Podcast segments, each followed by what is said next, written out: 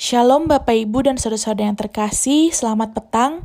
Pada petang hari ini kita sungguh mengucap syukur karena kita boleh bersama-sama kembali bersekutu di dalam renungan petang GKI Coyudan Selasa 4 Mei 2021. Pada petang hari ini kita akan bersama-sama disapa kembali oleh firman Tuhan, disegarkan kembali, dikuatkan kembali melalui pembacaan firman yang terambil dari Yakobus 3 ayat 17 sampai 18 dengan tema menabur damai, menuai hikmat. Sebelum kita bersama-sama merenungkan firman Tuhan, marilah kita memohon penyertaan Roh Kudus untuk hadir di hati dan pikiran kita sehingga kita dapat semakin dimampukan untuk mengerti firman Tuhan. Mari kita bersatu di dalam doa. Kami sungguh mengucap syukur ya Tuhan atas penyertaan Tuhan di dalam kehidupan kami, terkhususnya pada hari ini di mana kasih setia Tuhan tetap melingkupi setiap dari kami. Kami juga mengucap syukur jikalau pada saat ini Tuhan masih memberikan kami kesempatan untuk bersama-sama merenungkan firman-Mu, disegarkan kembali, dikuatkan kembali, dan diteguhkan di dalam kehidupan kami. Dan biarlah kiranya firman-Mu ini yang boleh menolong setiap dari kami untuk terus merespon secara tepat apa pun yang terjadi dalam kehidupan kami. Biarlah kiranya roh kudus-Mu yang boleh menuntun kami, boleh menolong kami sehingga apa pun yang kami kerjakan, apa pun yang kami katakan, itu adalah seturut kehendak Tuhan. Inilah kami ya Tuhan, kami siap untuk mendengarkan dan juga melakukan firman Tuhan di dalam kehidupan kami. Amin. Bapak Ibu dan saudara-saudara yang terkasih, saya akan membacakan dari Yakobus 3 ayat 17 sampai ke 18. Begini firman Tuhan. Tetapi hikmat yang dari atas adalah pertama-tama murni, selanjutnya pendamai, peramah, penurut, penuh belas kasihan dan buah-buahnya yang baik, tidak memihak dan tidak munafik, dan buah yang terdiri dari kebenaran ditaburkan dalam damai untuk mereka yang mengadakan damai. Nah, Bapak Ibu dan saudara yang terkasih, ketika saya membaca uh, firman yang menjadi permenungan kita pada sore hari ini, saya teringat akan kisah seorang anak kecil dan pastinya Bapak Ibu juga uh, pernah melihat atau pernah menyaksikan ketika seorang anak kecil menangis bertengkar dengan temannya saat bermain, pasti tidak lama kemudian mereka akan bisa akur kembali, bermain kembali seakan-akan tidak terjadi apa pun. Nah, bukankah uh, peristiwa ini sungguh mengherankan bagi kita?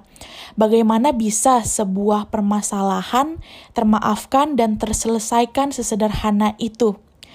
Ketika saya mencoba untuk merenungkannya, saya melihat bahwa ternyata cara kita merespon kejadian di dalam hidup akan menentukan apa yang akan terjadi selanjutnya dan menjadi cerminan nilai-nilai yang sedang kita hidupi di dalam diri kita. Begitupun dengan sikap iman Bapak Ibu. Iman yang bertumbuh dan berdasar pada Kristus memberikan kebenaran hikmat dan mencerminkan damai yang datangnya dari Kristus kita bisa melihat ketika Yakobus uh, menuliskan uh, firman ini, menuliskan perikop ini, ia ingin memperlihatkan kepada kita tentang dua macam hikmat hikmat dari bawah yang adalah hikmat dunia dan hikmat yang dari atas yang adalah hikmat dari Tuhan. Dan bagian ini ditulis karena adanya beberapa orang pemimpin yang pada kala itu berpikir bahwa mereka diberikan hikmat dan memiliki pengertian yang lebih. Namun pengajaran dan perkataan mereka justru menghasilkan perpecahan di dalam kehidupan beriman. Nah, Yakobus mau memperlihatkan kepada kita bahwa kehidupan kekristenan adalah sesuatu yang utuh dan integratif. Apa yang ada di dalam diri kita akan termanifestasi keluar. Iman yang benar akan tampak dalam perbuatan. Demikian pula halnya, hikmat dan pengertian yang berasal dari atas, dari Tuhan, akan tampak dalam perbuatan dan perkataan kita. Yakobus mengingatkan kita ketika menghadapi masalah atau pencobaan di dalam kehidupan kita, betapa perlunya hikmat untuk memahami masalah ter tersebut. Hikmat yang berasal dari pemberian Allah memampukan kita untuk memahami masalah yang kita hadapi, apa yang menjadi rencana Tuhan, bagaimana kita menyikapinya, bertindak, memutuskan pilihan, apa yang kita bisa pelajari pada saat itu, dan apa yang mau Tuhan kerjakan, mau Tuhan ubah untuk kita di dalam kehidupan kita agar semakin dewasa di dalam Dia. hikmat dari Allah akan terpancar dalam gaya hidup keseharian yang tercemin dari sikap yang menunjukkan keramahan, kedamaian, kelemah lembutan, tindakan yang berbelas kasih dan berbuah kebaikan, dan dalam menilai persoalan dengan kebijaksanaan. Seperti kita tahu bahwa seseorang dapat dilihat dan dikenal baik melalui buahnya.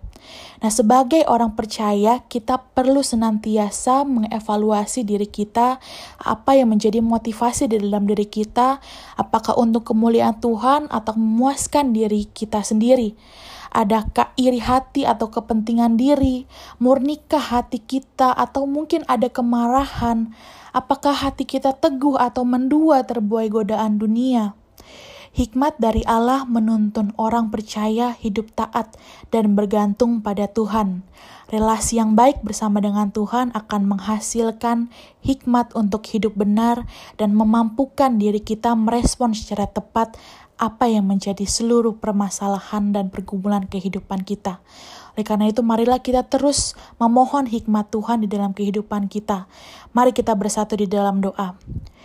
Ya Tuhan kami, biarlah kiranya kebenaran Tuhan hidup di dalam hati kami, sehingga kami mampu mengerti, mampu mengenali, dan merespon rencana Tuhan secara tepat di dalam kehidupan kami. Dan biarlah dengan hikmat yang Tuhan berikan, kami boleh melanjutkan hidup kami di dalam kebenaran, di dalam kedamaian, dan itu semua kami landaskan dan kami dasarkan di dalam Tuhan saja.